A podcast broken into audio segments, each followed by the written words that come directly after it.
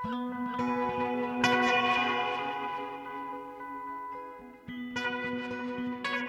og sæl kæri lustendur.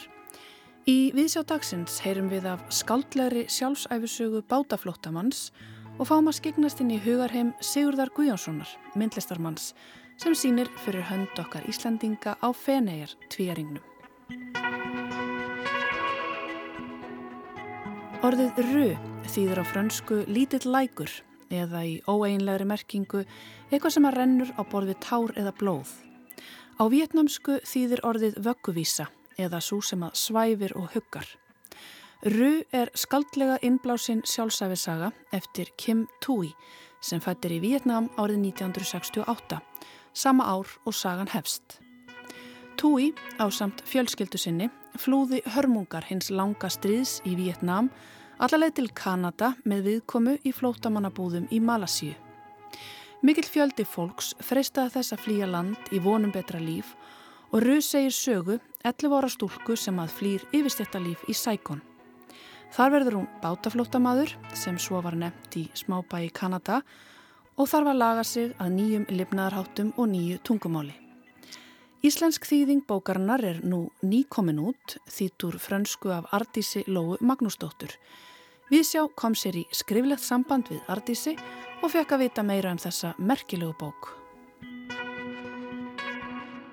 Feneiar tvíæringurinn opnar með pompi og praktir sínar fyrir almennum gestum laugardaginn næstkomandi 23. apríl.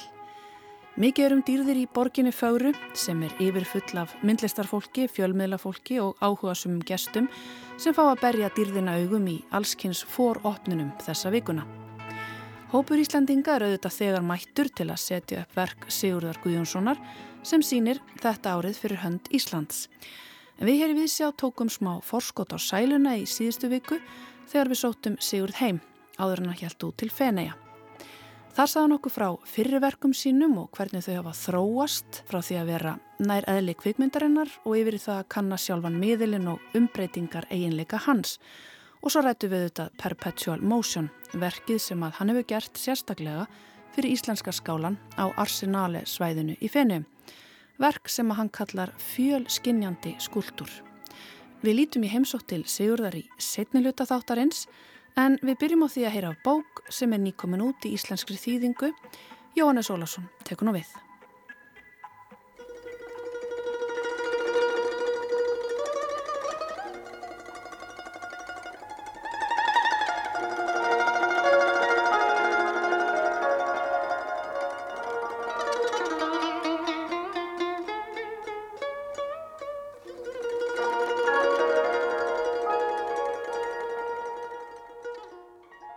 Ég kom í heiminn á meðan tettsóknin stóð yfir.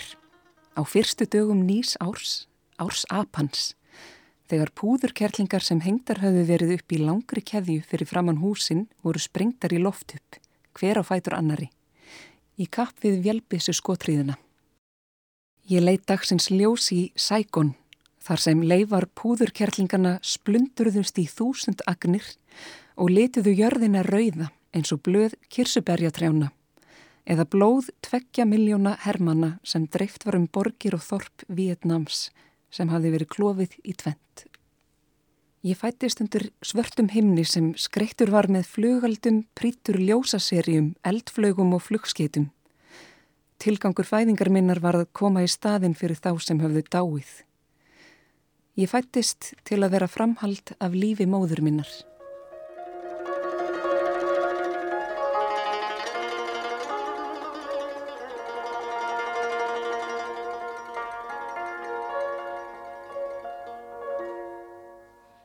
Svona hljóðar upphaf skáldsögunar Rú eftir Kim Tui frá árunni 2009.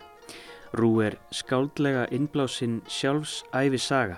Tui er fætt í Vietnam árið 1968, sama ár og sagan hefst. Hún ásamt fjölskyldu sinni flúði hörmungar hins langa stríðs í Vietnam allarleið til Kanada með viðkomu í flóttamannabúðum í Malasíu.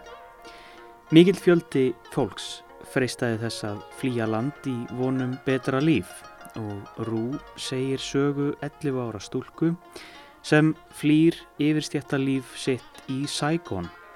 Þar verður hún bátaflóttamaður sem svo voru nefndir í smábæ í Kanada og þarf að laga að nýjum lipnaðarháttum og nýju tungumáli. Nafn sögunar Rú vísar í tvær áttir á frönsku þýður orðið lítill lækur eða í óeinlegri merkingu eitthvað sem rennur á borðið tár eða blóð. Á vietnamsku þýðir orðið aftur á móti vögguvísa eða svo sem svæfir og huggar. Íslensk þýðing bókarinnar er nú nýkomin út, þýtt úr frönsku af Ardísi Lóu Magnúsdóttur. Ég kom mér í samband við Ardísi skriflega í skíinu og ég baða hana fyrst að segja mér betur frá höfundinum Kim Tui.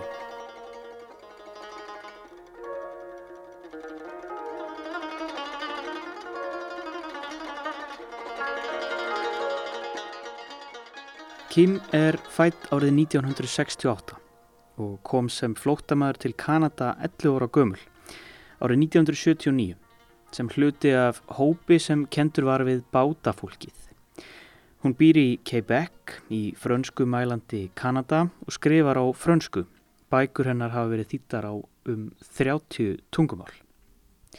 Lífslaup Kim Tui er nokkuð merkilegt og hún er með háskólapróf bæði í þýðingarfræði og lögfræði og rakum tíma vinselan veitingastað í Montreal með engum matseðli, einungis rétti dagsins sem hún eldaði sjálf og var breytilegur og ávalt leindarmál. Kim Tui dregur enga dul á það að skáldsaga hennar Rú byggi á sjálfsæfisögulegum þáttum. Lífslaup höfundar og sögumanns eru endað að flestuleiti áþekk. Sömulegis aldur, mentun, starfsferill, sögumæður á tvo sinni líkt og túi og sá yngri er einhverfur líkt og sonur túi. Hún hefur sagt frá því í viðtali að hún hafi upphaflega skrifað bókina fyrir sinni sína til þess að þeir skildu hennar bakgrunn og sögu og sömulegis þá hafi einhverfa sonar hennar gert hana að ritugundi. Þess má geta að þegar að Túi var í viðtali á ennsku spurð hvort hún væri þrítingt, þar að segja með hliðsjón af vietnamsku, frönsku og ennsku, sagðist hún ekki tala almenlega neitt þessara mála. Hún helt aftur til Vietnam þegar hún var fullorðin til að vinna þar sem lögfræðingur í fjögur ár og talið því vietnamsku á mjög skringilegan hátt. Nánar tiltekið þá geti hún tjáð sig eins og barn eða eins og löffræðingur. Ardís Lóa segir að viðtökur Rú hafi verið góðar. Bókin hlaut virtustu bókmentavelun frönskumælandi Kanada þegar hún kom út. Hún hefur verið þýtt á hátt í 30 tungumál og hlotið að ég best veit mjög góðar viðtökur og unni til veluna í Fraklandi og á Ítalíu.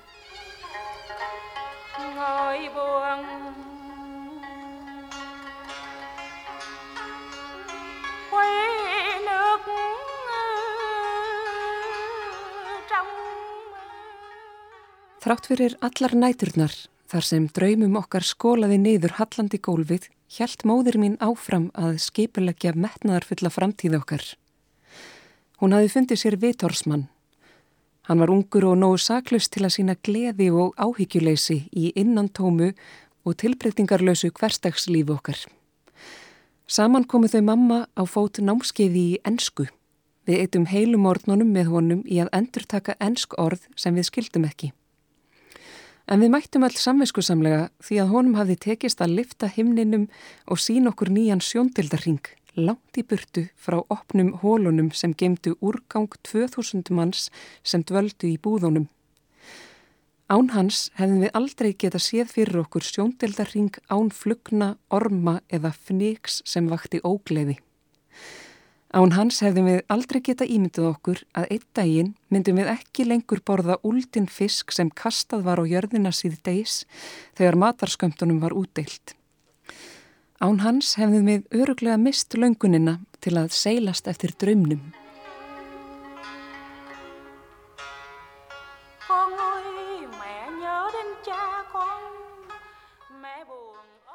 Ég spurði Artísi Lóu út í stíl bókarinnar sem er afar sérstakur og hún segir Ég myndi lísunum sem knöppum og myndrænum. Bygging bókarinnar er ekki línuleg, heldur fer Kim Tui fram og aftur í tíma og ringsólar frá vitund og upplifun barsins til þeirra tilfinninga sem atbyrðunir vekja hjá henni sem fullorðinni konu. Það má kannski líka köplunum við anekdótur eða örsugur, jafnvel vinnjættur. Túi velur hvert orð gumgefilega en stundum nær ekkert eitt orði yfir tilfinninguna sem hún er að reyna að fanga og þá notar hún stundum orðarunu á borðið ég er nú þegar gjörsigruð, berstrýpuð, gagslus. Ardi segir það hafa verið áskorun að þýða þessa bók en líka gefandi. Ég fjall fyrir bókinni, segir hún. Ég þurfti að hafa í huga að Kim Tui er meðvitið um að hún sé að lýsa vietnamskum veruleika fyrir vesturlandabúum. Það er þó ekki beinlinni svo að ég sem þýðandi gangi í hlutverk mannfræðings sem lýsir framandi menningu fyrir samlöndum mínum. Mesta áskorunin var að Tui dregur upp myndir sem geta vísað í margar áttir. Það er líka sérstök músik í frumteksta sem ég reynda að koma til skila á íslensku. Orðavalið er rosalega nákvæmt og úthugsað og stundum dregur eitt orð upp heila mynd í huga lesanda. Það má segja að hvert orð sé eins og demantur með margar hlýðar, en það er mitt líking sem höfundur notar sjálfur.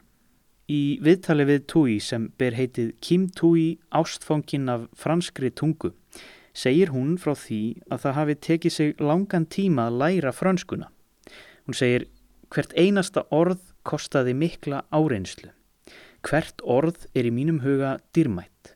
Ég tók á móti hverju orði eins og demanti.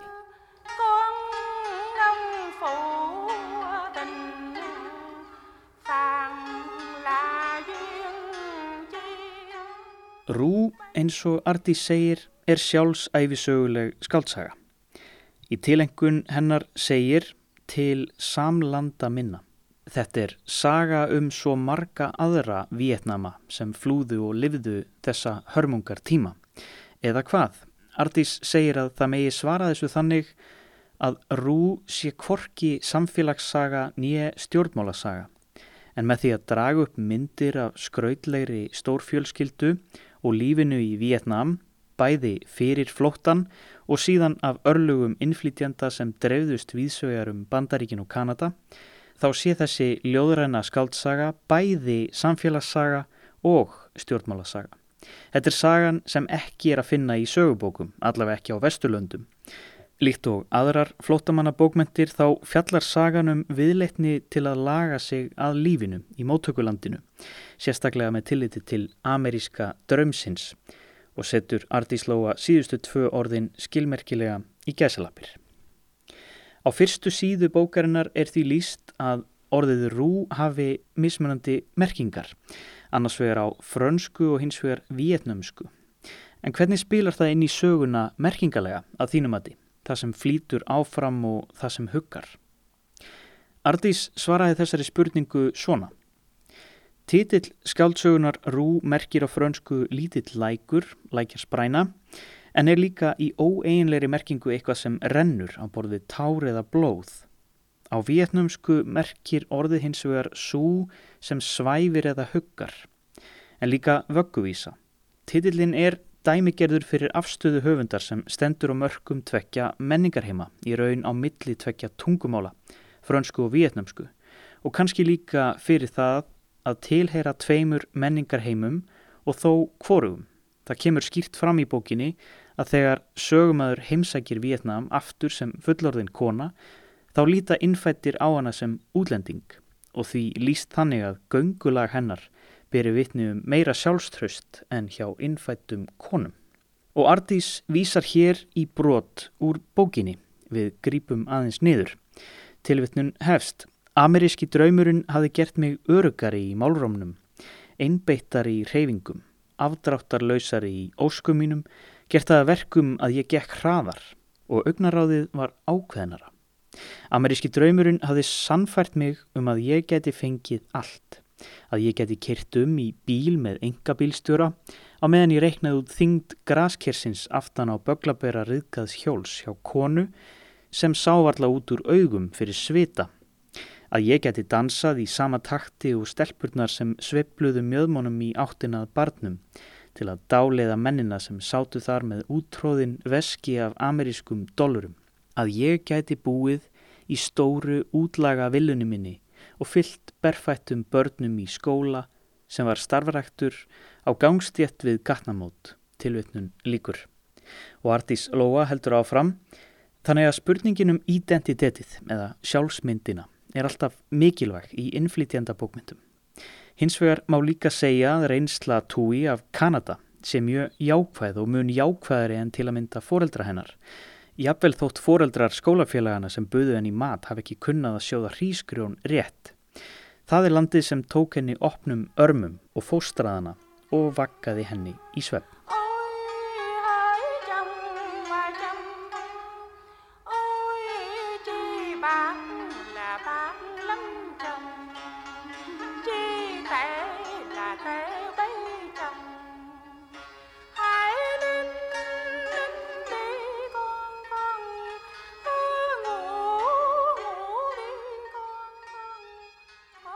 Við lestur skáldsögunar Rú veldi ég mikið fyrir mér hugmyndum Vesturlandabóa um Vietnamstríðið.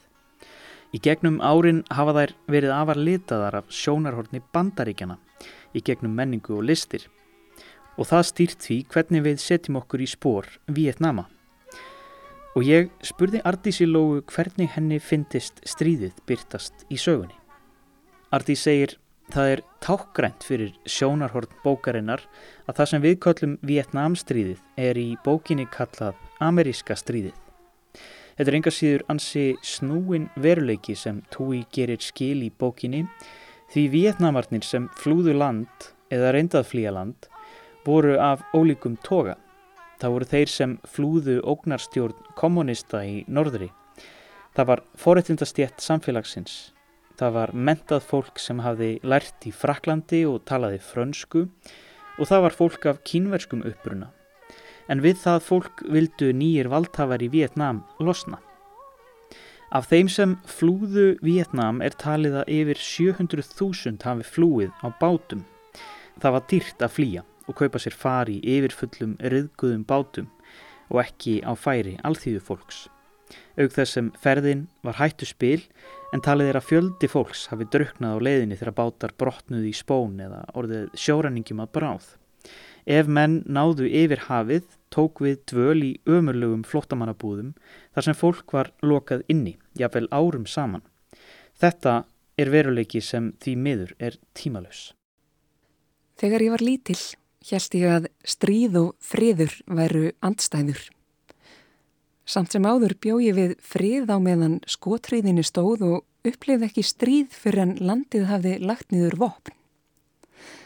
Raunar tel ég að stríð og friður séu vinir sem hæðast af okkur. Þau koma fram við okkur eins og óvinni þegar þeim hendar án þess að skeita um skilgreiningar orðana eða það hlutverk sem aður gefur þeim. Það eitti því kannski að hafa í huga að ekki er allt sem sínist þegar maður tekur afstöðu með öðru kvoru. Ég var svo heppin að eiga foreldra sem töpuð ekki áttum sama hvað gekk á hverju sinni. Móðir mín veitnaði ofti í málshátt sem var skrifaður upp á svarta krítartöflu þegar hún var í áttundabekk í Sækon. Lífið er baráta, þar sem depurð leiðir til ósigurs.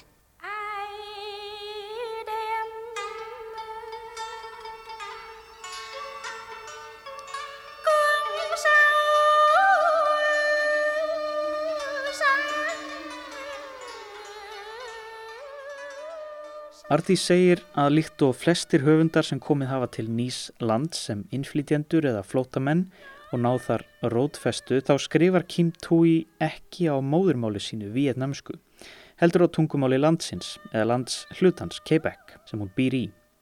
Eitt megin þema bókarinnar er spurningin um heimkynni en stúlkan sem er sögumadur lendir á milli tveggja menningarheima og tilherir í senn báðum og kvorum. Þá fjallar bókin einnig um það hvernig nýjir siðir og vennjur móta sjálfsmynd barsins. Í rú er einnig að finna kunnulega lýsingu á örlugum flótafólks sem sumt var mentað í París og Bandaríkjónum og lendir í lálauna og erfiði störfum sem sendlar, uppvaskarar eða við svarta vinnu fyrir bændur í nákvæmunu með það fyrir augum að börnin þeirra öðluðist mentun og betra líf. En heldur þú Ardís að þessi bók Rú breyti hugmyndum fólks um Vietnamstríð og áhrifum þess? Mér finnst bókin taka á svartkvítum hugmyndum Vesturlanda um Vietnamstríð sem er ekki sínt eins og sögubækur fjallum það heldur með því að draga upp myndir af fólkinu sem bjó í landinu og sem þurft að flýja. Eitt af því sem gerir bókina svo áhugaverða er að hún dregur heldur ekki upp einhliða mynd af þeim sem eru góðir eða vondir. Sem dæmi má taka mynd sem dreyin er upp í bókinni þar sem fjölskylda sögumanns er fangar í eigin húsi sem frelsis hér kommunista hefur lagt undir sig en fangaverinnir eru tíu ungir hermenn sem koma beint úr frumskóinum og þar er átt við ómentað bændafólk. Fadir sögumanns leikur fyrir þá klassiska tónlist á piano. Og hér í lokin er tilvitnun í skáltsöguna Rú. Ekki lungu síðar spilti fadir minn þeim með því að spila fyrir þau tónlist á laun. Ég satt í skugga undir pianoinu og horfi á tárin renna niður kinnar þeirra. Þar sem hryllingur sögunar hafði skilið eftir djúpar rákir. Eftir þetta vissum við ekki lengur hvort þau væru óvinnir eða fórnarlömp, hvort við elskuðum þau eða hötuðum, hvort við óttuðumst þau eða fyndum til með þeim. Og þau vissu ekki lengur hvort þau hefðu frelsað okkur undan bandarækjumannum eða hvort við hefðum, þvert á móti, frelsað þau úr frumskóum Vietnám.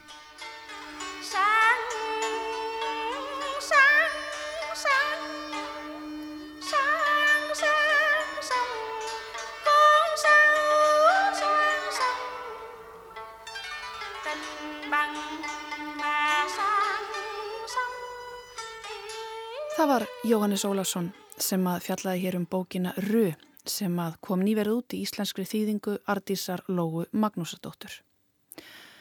En þar fréttir bárust um helgina að rúmenski píanleikarin Ratu Lupu væri látin 76 ára að aldri. Lupu sem var fættur í borginni Galati árið 1945 var af mörgum talinni merkasti píanisti sinnar samtíðar en á árunum 1970 til 1993 gerðan fjölmarkar merkar hljóðritanir fyrir dekka útgáfuna og var meðal annars virtur fyrir tólkun sína á tónlist Frans Schubert. Við skulum heyra Ratu Lupu leika tónlist Schuberts. Þetta er Bjart Impromptu, opus 90 og hljóðrutinin var gerð árið 1983.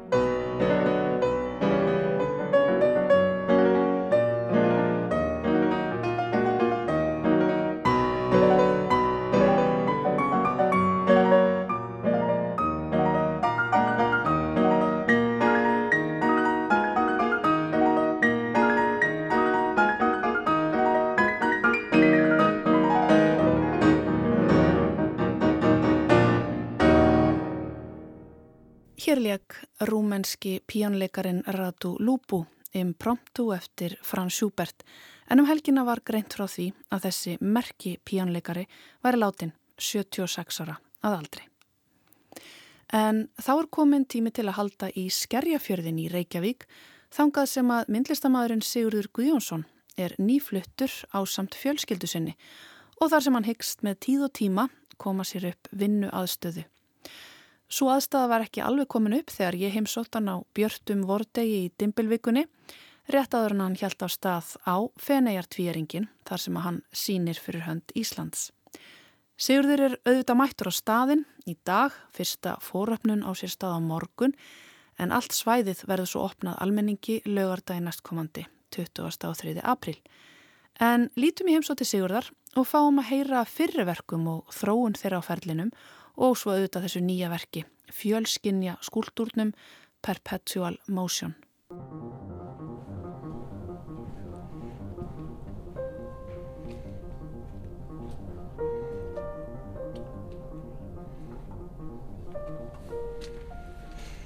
Gott að byrja að viðtali hérna, byrja dæn hérna á þessum svölum. Hér skín morgunsólinn og föglandi syngjaði trjánum. Það er ekki slemt að byrja dæn hér, Sigurður. Nei, þetta er alveg stórkoslegt og við erum heppið með veður í dag líka. Drekkur mikið kaffi með ert að vinna? Við erum að fara að fá bállanum með tvö hérna. Já, svona misend þetta dögum, hvað maður þarf. En, jú, tveir, þrýr kannski. Hlustar á tónlist eru út í vinninni? Sko, ekki þegar ég er að vinna. Þegar ég er að vinna að verkum þá, þá er bara þögn. Plus, náttúrulega, já, hljóðheimur sem ég kannski nota sjálfur. En svo tekum maður pásinu millu og þá er alltaf tónlist. Og hún er innblástur. Hvaða tónlist veit er innblástur? Ég hlusta alls konar tónlist. Ég, hlusta mikið á svona tilraunakenda tónlist, ráftónlist yfir í, já, klassiska tónlist. Og þaðan alveg já, þungt auður okkur líka, sko.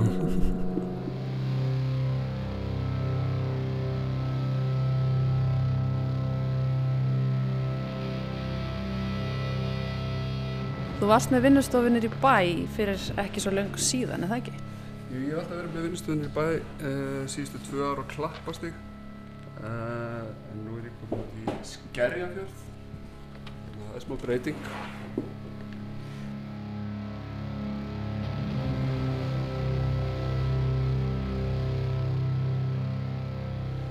Förum aðeins eftir tilbaka. Þú hérna lærðir á sínum tíma uh, bæði í talandum umhverfi og svona, hvað hefur áhrif á mann. Þú lærðir í Vínarborg og Kaupmannuhöf og svo þetta hér í Reykjavík. Myndur þú segja að þetta hafi haft mótandi áhrif á þig? Já, ég myndi segja það. Þegar ég flutti sko fyrst til Kaupmannhafnar hefði það gríðarlega áhrif á allt. Þetta var svona, maður var svona, ég var að byrja í myndlist um, og þetta var svona engaskóli upp á Norrebrú sem við vorum í, ég og félagi minn. Maður var alveg opinn og gæti auknin drukkið í sig listina í Kaupmannhafn. Mm. Þannig að það var alveg ótrúlegt og, og mikilvægt svona, mikilvægur undirbúningu fyrir það sem kom á eftir. Mm -hmm.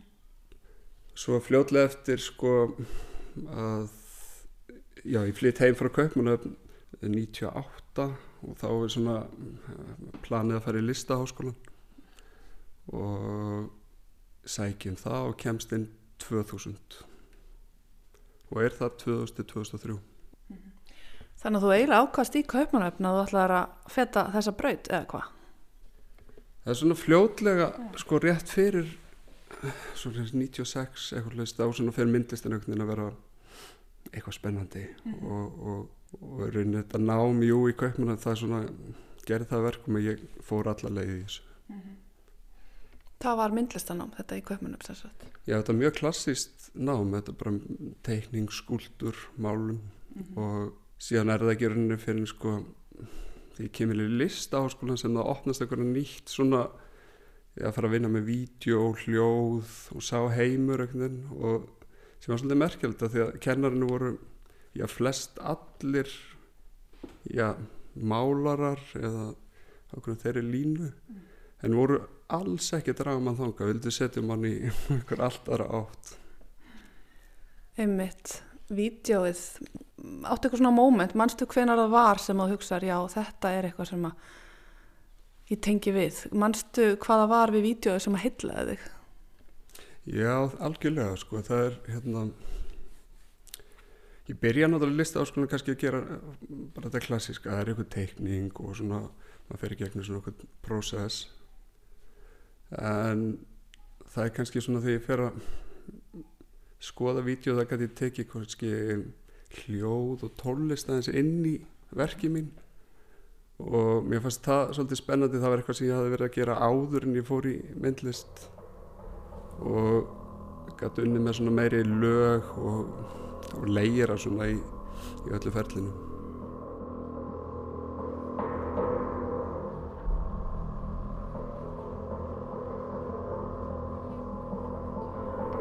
Þú er aldrei hugsað bara að feta tónlistabröndina að fara meira út í bara hljóðið? Nei, ég hef aldrei hugsað að fara út í tónlist og ég áheld ég ekki erindi þangað en, en hljóðið verður alltaf verið sko svona stór partur af verkunum mínum og í rauninni þegar ég var eitthvað að spila með hljómsveitum og svona eitthvað frá 90 til 95 þá snýrist það líka allt um hljóð og eitthvað svona hljóðmassa mm.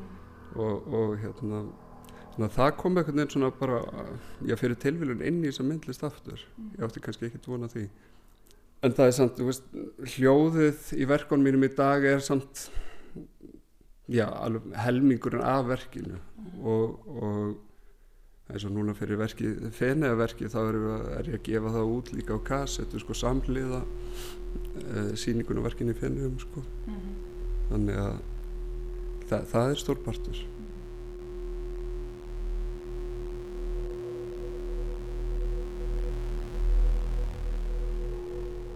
Já, hljóðið, sko það er oft það er oft talað um verkinn þín sem svona dökk og, og svona svolítið dularfull. Það er oft svona einhver dökkur myndteimur sem byrtist okkur og uh, þú ert svona já, oft í verkunum að rannsaka það sem að kannski við erum ekki að hugsa um dagstaglega það sem að augað ekki sér ferð svona á baku hlutina og inn í hlutina inn í elementin og tæki, alls konar tæki.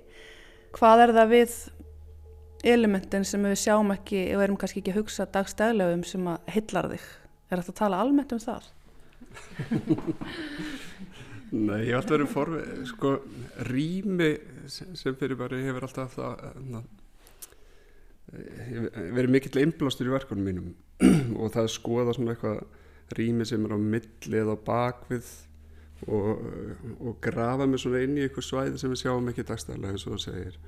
Og þetta er kannski einhver forvitni í mér endalus forvitni að geta komist einhvern veginn aðeins dýpara inn í hlutina og svo snúið upp að það og fengið eitthvað nýtt út í mm. þetta er svona þessi umbreyting sem er alltaf heila mig mm. við erum að horfa hérna inn í bara einhverja flósand ljósaperu en uh, gefur okkur einhverja allt aðra merkingu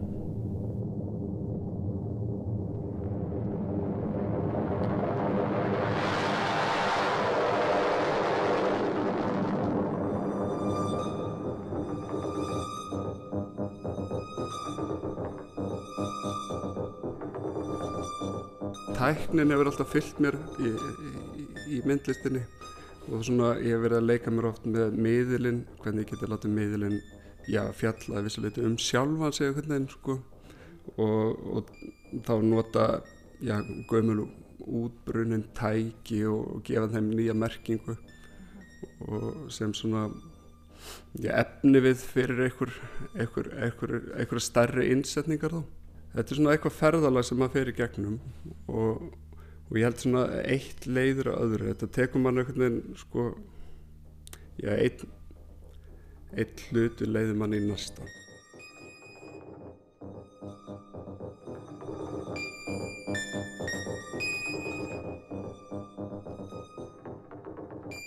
Svo skiptir staðsetningin líka miklu máli í verkunum þínum hvar þau eru uppsett.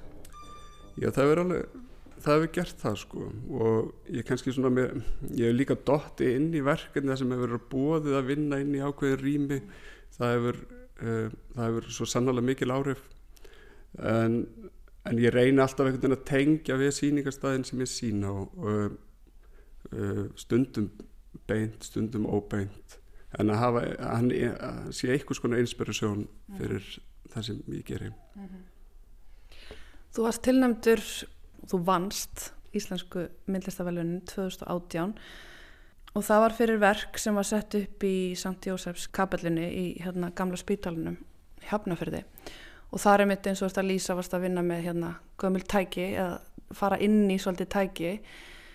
Og þar varð þessi hverstarslegi hlutur svona eiginlega hálf trúarlegur umbreytist þeim mitt í eitthvað svona það var hálf trúarleg upplifun að fylgjast með því verki Já, algjörlega, þar hefur, hefur einmitt staðurinn rosalega mikil áhrif og, og, og vídjón verða kannski svona meira eins og kveikjur inn í rýmin og, og svona, já, bara svona rétt til þess að búa til einhverju upplifun, sko. Uh, en svo fór svo síning sko áfram til, uh, já, Blöndós Kleifar var sett upp á uh, gamlum bóndabæ. Og þar færi mitt uh, síningin einhverja alltara merkingu þar sem það er komið í samengi við vélar og sveitina og náttúruna. Þannig að það var svolítið skemmtilegt að sjá þess að tvo, mm -hmm. tvo heima úr sömu síningu Einmitt, verki var það eiginlega bara allt annað í því rými. Já, það var allt annað, miklu grófara og, og fór eitthvað annað sko. En heimi vélarinnar, hann heillar þig þetta er náttúrulega eitthvað sem að hefur heillað marga listamenn það er mörg dæmi úr listasögu 20. aldarinnar um, um listamenn sem hafa heillast af vélinni þú ert aldrei þar líka, er það ekki? Jú, svona í sömuverkum, jú en eins og ég var að tala um aðan, þetta er svona eitthvað ferðalemar sem, sem að fer í gegnum og kannski frá 2010 þá er vélinn og þessi tæki verið svona efni við fyrir verk en svo hefur verið kannski að færast dýbra og dýbra inn í tækin og jáfnvel núna, já, í síðustu tveim, þrjum verkum þá eru við komin inn í bara efnis heim tækninar mm -hmm. Nákvæmlega, ég fór aðeins og kíkt á heimasíðinu þeirna áðurinn ég kom og var að rifja upp hérna verkiðin, þetta er orðin 20 ára ferill. Og hérna, og þá finnst mannum að sjá svona, ég veit ekki, ég uppleiði svona einmitt eins og þú veist að lýsa, verkin fara alltaf meir og meira svona inn í kjarnasinn, þau verða svona mínimaliskari og fara mitt inn í vélina og verða bara mínimaliskari með tímanum, er þetta rétt upplöfun? Algjörlega og svona mjög fljótlega eftir útskrift og listaðarskona þá fór ég svona já, vinna litlar já, kvikmyndir, við getum kallað það sem voru svona ólínulegar þetta, þetta, þetta það er ekki bein framvinda í gegna þar og og ég klifti þessi verk bara svona fram og tilbaka í tíma og leik mér samt alltaf innan sko, innan í þessum síkvens og svo voru verkin bara sínd eins og kvikmynd á vegg það sem kannski sest að bekk og hort í gegna það. Mm. en svona einhvern veginn upp úr já, já, svona í framaldi að þessu þá fekk ég meiri á, að, á því að fara, að vinna meira inn í síningarinn sjálf og nota í mitt vídjón meira sem svona já, kveikjur og já, svona element.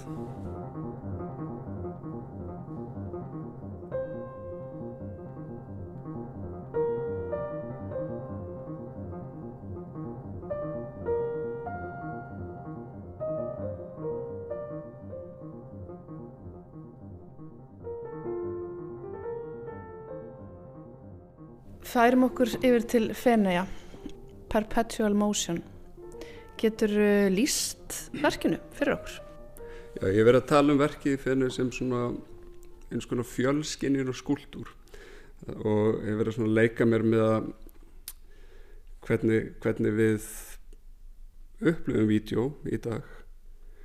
Og er þarna að sko búa til struktúr inn í síningarýmið sem er, já ég er cirka starfinu 2,50 og 6 metrur á hæð. Þetta er loðuréttu fleki sem gengur frá gólfu upp í loftið og annar fleki á móti sem liggur á gólfinu. Og á þessum fleka varpast vídeo heimur sem að fer í samtal við hljóðheim sem ég vinn í samstarfið Valgir Sigursson, tónskáld og það maður segja hljóðheimurinn sé svona einsperraður eða einblá, einblásin af uh, efnisheimi í vídeosins sem er uh, málmrik segull og sem er tengt við já, mótor sem keirir verkið áfram eða býr til svona gangraðin í verkinu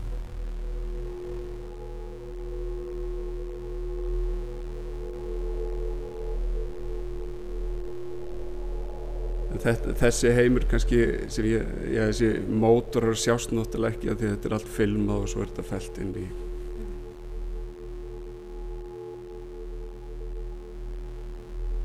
Getur þú lísta hans fyrir okkur bara vinnuferlinu við þetta, þú veist, hver er útgangspunkturinn, hver var kveikjan, hvað er það hljóðið, er það, er það þessi málmur sem þú ætti að tala um, er það uh, hverju þú vilt ná fram í, upplifun áhörfandans, uh, hver er svona fyrsti punkturinn?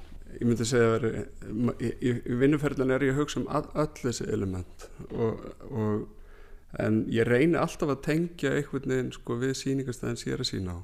Og já, eins og í þessu tilfellu þá eru við arsenali, þetta er gömul já, skipasmíðastöð mjög rá yðnaðbygging með rosalegri lofthæð.